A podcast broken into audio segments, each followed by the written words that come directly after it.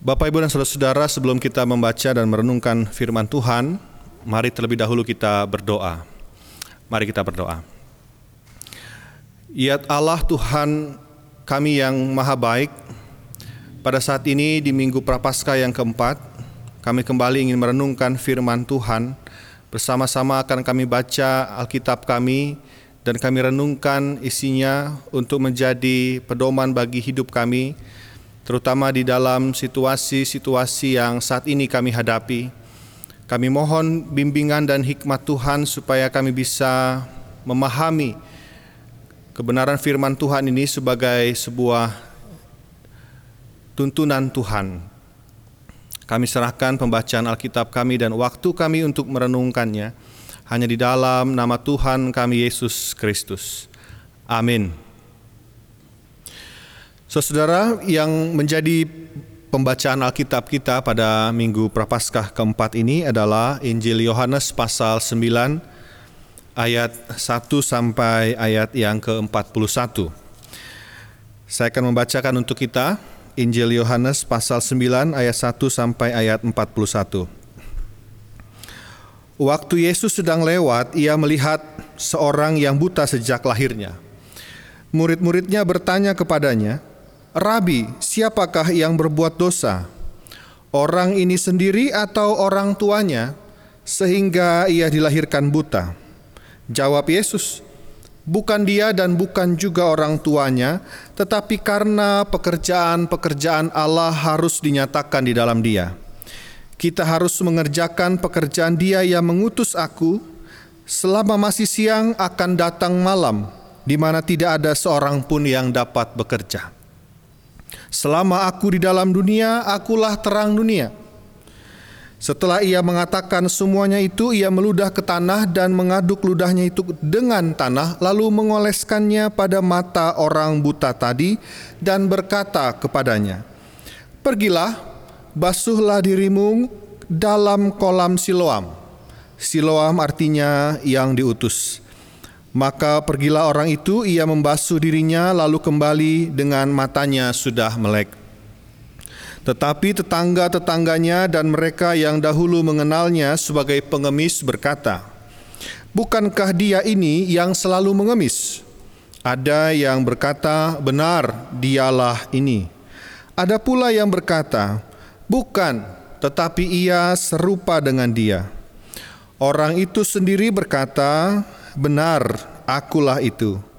Kata mereka kepadanya, bagaimana matamu menjadi melek? Jawabnya, orang yang disebut Yesus itu mengaduk tanah, mengoleskannya pada mataku dan berkata kepadaku, pergilah ke Siloam dan basuhlah dirimu. Lalu aku pergi dan setelah aku membasuh diriku, aku dapat melihat. Lalu mereka berkata kepadanya, di manakah dia? Jawabnya, Aku tidak tahu. Lalu mereka membawa orang yang tadinya buta itu kepada orang-orang Farisi. Adapun hari waktu Yesus mengaduk tanah dan memelekkan mata orang itu adalah hari Sabat. Karena itu orang-orang Farisi pun bertanya kepadanya bagaimana matanya menjadi melek. Jawabnya, ia mengoleskan adukan tanah pada mataku lalu aku membasuh diriku dan sekarang aku dapat melihat. Maka kata sebagian orang-orang Farisi itu, orang ini tidak datang dari Allah sebab ia tidak memelihara hari Sabat. Sebagian pula berkata, bagaimanakah seorang berdosa dapat membuat mujizat yang demikian? Maka timbullah pertentangan di antara mereka. Lalu kata mereka pula kepada orang buta itu, "Dan engkau, apakah katamu tentang dia?" Karena ia telah memelekkan matamu? Jawabnya, ia adalah seorang nabi. Tetapi orang-orang Yahudi itu tidak percaya bahwa tadinya ia buta dan baru dapat melihat lagi sampai mereka memanggil orang tuanya dan bertanya kepada mereka, Inikah anakmu yang kamu katakan bahwa ia lahir buta? Kalau begitu bagaimanakah ia sekarang dapat melihat? Jawab orang itu, orang tua itu, yang kami tahu ialah bahwa dia ini anak kami dan bahwa ia lahir buta. Tetapi bagaimana ia sekarang dapat melihat kami tidak tahu. Dan siapa yang memelekkan matanya, kami tidak tahu juga. Tanyakanlah kepadanya sendiri, ia sudah dewasa, ia dapat berkata-kata untuk dirinya sendiri.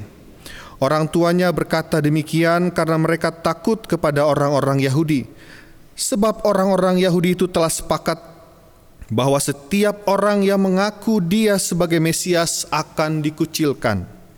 Itulah sebabnya maka orang tuanya berkata, "Ia telah dewasa, tanyakanlah kepadanya sendiri." Lalu mereka memanggil sekali lagi orang yang tadinya buta itu dan berkata kepadanya, "Katakanlah kebenaran di hadapan Allah kami tahu bahwa orang itu orang berdosa.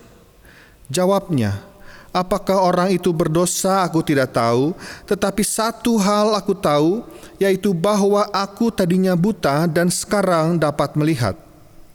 Kata mereka kepadanya, apakah yang diperbuatnya padamu? Bagaimana ia memelekkan matamu? Jawabnya, telah kukatakan kepadamu dan kamu tidak mendengarkannya. Mengapa kamu hendak mendengarkannya lagi?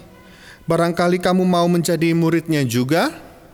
Sambil mengejek mereka berkata kepadanya, Engkau murid orang itu tetapi kami murid-murid Musa. Kami tahu bahwa Allah telah berfirman kepada Musa, tetapi tentang dia itu kami tidak tahu dari mana ia datang. Jawab orang itu kepada mereka, Aneh juga bahwa kamu tidak tahu dari mana ia datang, sedangkan ia telah memelekkan mataku. Kita tahu bahwa Allah tidak mendengarkan orang-orang berdosa, melainkan orang-orang yang saleh dan yang melakukan kehendaknya. Dari dahulu sampai sekarang tidak pernah terdengar bahwa ada orang yang memelekkan mata orang yang lahir buta. Jikalau orang itu tidak datang dari Allah, ia tidak dapat berbuat apa-apa. Jawab mereka, Engkau ini lahir sama sekali dalam dosa dan engkau hendak mengajar kami. Lalu mereka mengusir dia keluar. Yesus mendengar bahwa ia telah diusir keluar oleh mereka. Kemudian ia bertemu dengan dia dan berkata, Percayankah engkau kepada anak manusia? Jawabnya, Siapakah dia Tuhan? Supaya aku percaya kepadanya. Kata Yesus kepadanya, "Engkau bukan saja melihat dia, tetapi dia yang sedang berkata-kata dengan engkau, dialah itu." Katanya, "Aku percaya Tuhan." Lalu ia sujud menyembahnya. Kata Yesus, "Aku datang ke dalam dunia untuk menghakimi, supaya barang siapa yang tidak melihat dapat melihat, dan supaya barang siapa yang dapat melihat menjadi buta." Kata-kata itu didengar oleh beberapa orang Farisi yang berada di situ dan mereka berkata kepadanya, "Apakah itu berarti bahwa kami juga buta?" Jawab Yesus kepada mereka, "Sekiranya kamu buta, kamu tidak berdosa. Tetapi karena kamu berkata, 'Kami melihat', maka tetaplah dosamu." Demikianlah Injil Yesus Kristus. Berbahagialah setiap kita yang mendengar firman Tuhan dan juga memeliharanya dalam kehidupan kita sehari-hari. Hosiana. Saudara yang Tuhan kasihi, pada hari ini kita memasuki Minggu Prapaskah yang keempat dan kita kali ini beribadah dengan suasana yang berbeda, dengan bentuk yang berbeda, dengan kondisi yang berbeda, tidak seperti biasanya demi turut serta dalam pencegahan sebuah virus. Kita tahu virus corona sedang menyebar di berbagai daerah di Indonesia, khususnya juga mengancam daerah kita di wilayah Sukabumi. Maka kita untuk saat ini dan juga minggu depan kita beribadah di rumah bersama dengan keluarga kita. Saudara-saudara, virus corona seperti yang kita tahu adalah sebuah virus yang baru yang sampai saat ini belum ditemukan vaksinnya. Dan banyak orang yang terinfeksi oleh virus ini. Mungkin saudara-saudara kita tidak pernah menyangka bahwa kita akan berhadapan dengan situasi seperti ini. Kita tidak akan pernah menyangka karena sebuah virus maka kita harus beribadah di hari Minggu di rumah kita masing-masing dan tentu semua orang tidak akan pernah menginginkan situasi seperti ini. yang mengganggu kehidupan kita, yang mempengaruhi kehidupan peribadahan kita. Akan tetapi saudara-saudara virus ini sekarang ada di hadapan kita, ada di dalam kehidupan kita untuk bersama-sama kita hadapi. Nah sama saudara-saudara dengan orang buta yang kisahnya dikisahkan, diceritakan oleh Injil Yohanes di dalam Alkitab kita, dikatakan bahwa orang ini buta sejak lahirnya. Saudara bisa bayangkan bagaimana rasanya menjadi orang yang buta sejak lahir. Atau saudara-saudara bisa bayangkan juga kira-kira siapakah orang di dunia ini yang menginginkan lahir dalam keadaan buta. Saya percaya tentu tidak ada. Apakah saudara-saudara bisa membayangkan bagaimana situasi, kondisi orang buta ini dalam kehidupannya pada saat itu? Ketika orang-orang lain pada umumnya bisa melihat seluruh ciptaan Tuhan dengan baik, melihat keindahan pohon-pohon, tanaman, keindahan alam, bisa melihat birunya langit, bisa melihat indahnya lautan, bisa melihat berbagai macam hewan-hewan yang diciptakan Tuhan dan lain-lain.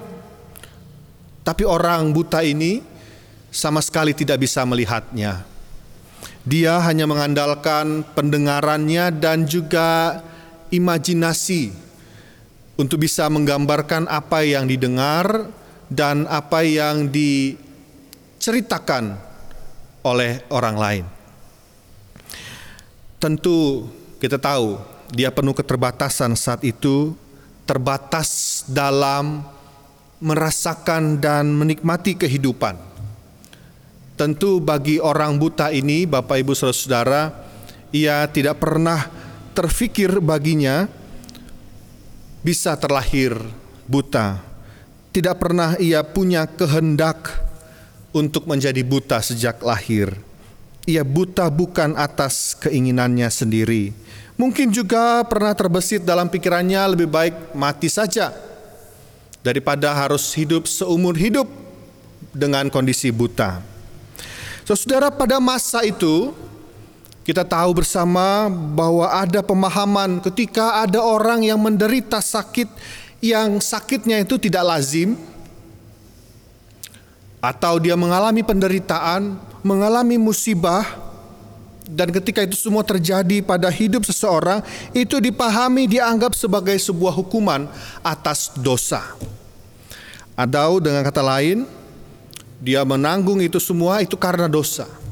Entah itu dosanya sendiri atau dosa orang tuanya. Oleh karena itulah saudara-saudara ketika murid-murid Tuhan Yesus bertanya kepada Tuhan Yesus, siapakah yang berbuat dosa? Orang ini sendiri atau orang tuanya? Itu menggambarkan pemahaman masyarakat pada saat itu. Dan kita perhatikan saudara-saudara jawaban Tuhan Yesus ternyata tidak mengiyakan anggapan murid-murid itu. Tuhan Yesus berkata, karena ada pekerjaan-pekerjaan Allah yang harus dinyatakan di dalam Dia.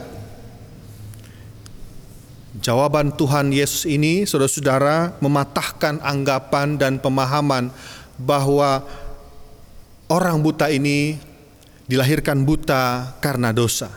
Sebagaimana yang dipahami oleh banyak orang pada saat itu termasuk murid-murid. Nah, saudara-saudara lebih lanjut Injil Yohanes mengisahkan bahwa kemudian Tuhan Yesus melakukan sesuatu untuk orang buta ini.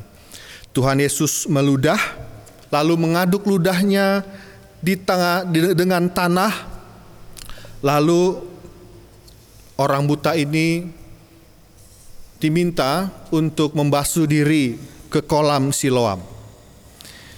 Setelah itu kita tahu, kita lihat, kita baca orang ini pun Orang yang buta ini pun dapat melihat. Ya, saudara Tuhan Yesus melakukan sebuah mujizat terhadap orang yang buta sejak lahir. Saudara, ketika orang-orang Farisi mengetahui bahwa orang buta itu menjadi melihat, dan ketika mereka mengetahui itu terjadi karena perbuatan Tuhan Yesus, kita lihat apa reaksi mereka. Mereka terkesan marah.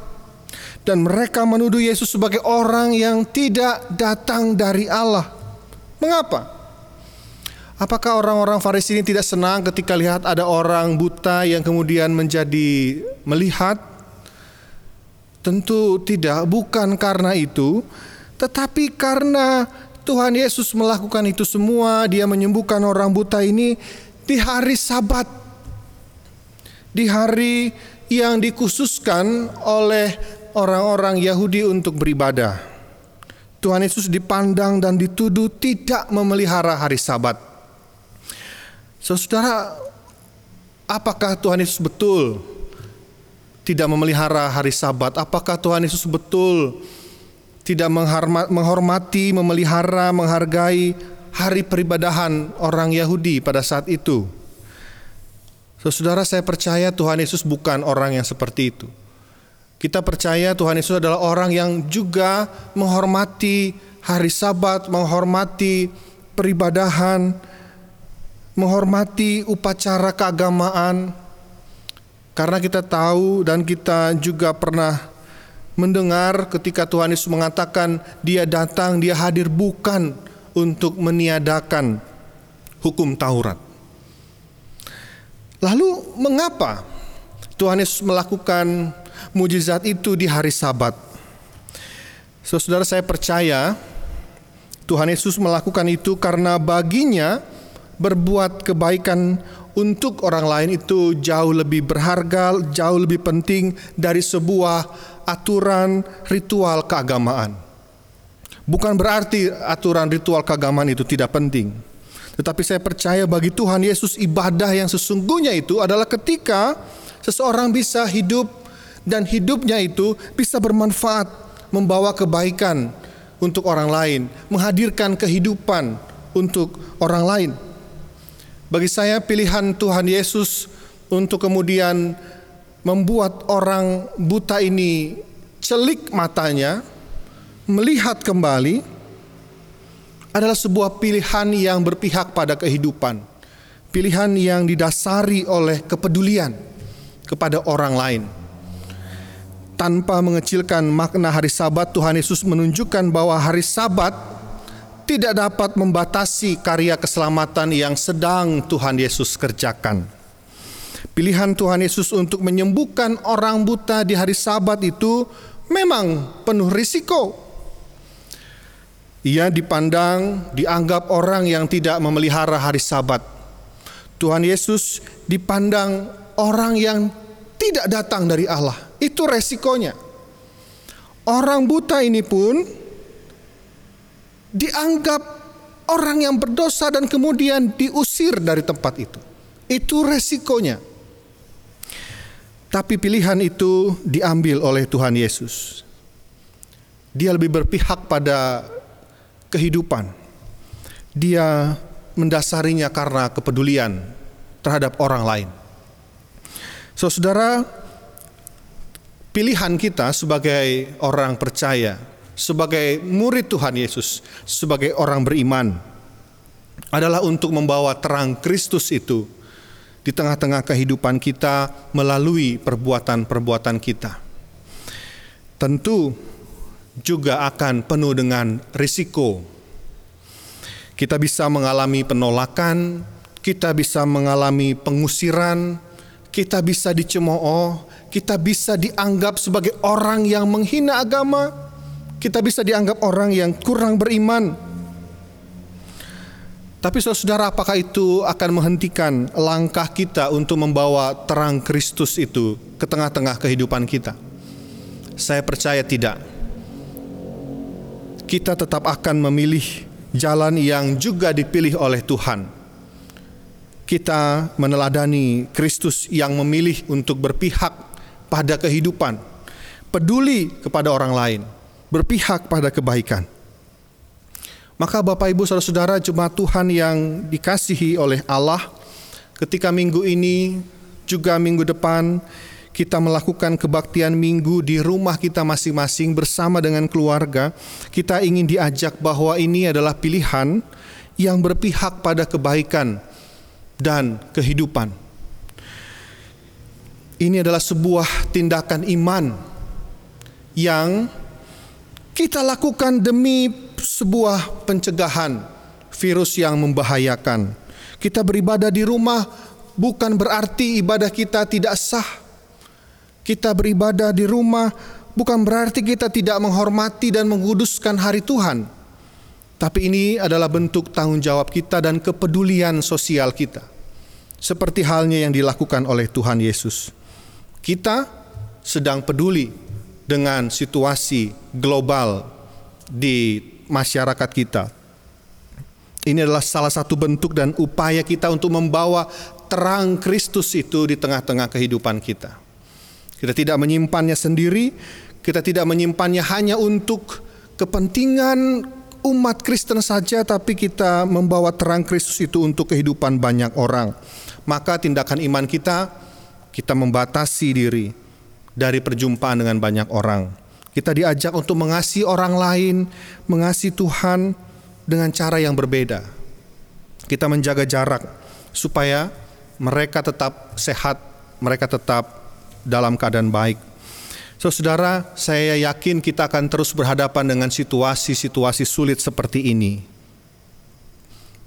Di masa yang akan datang, tentu kita akan juga menghadapi situasi yang berbeda, tapi juga suatu situasi yang sulit, dan kita akan terus menghadapinya dengan penuh hikmat.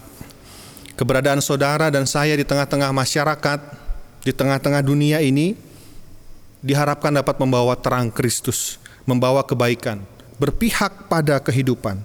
Dan saudara-saudara kiranya di minggu prapaskah yang keempat ini kita bisa semakin menghayati panggilan hidup kita sebagai pengikut Kristus, sebagai umat Allah, murid Tuhan Yesus yang beriman.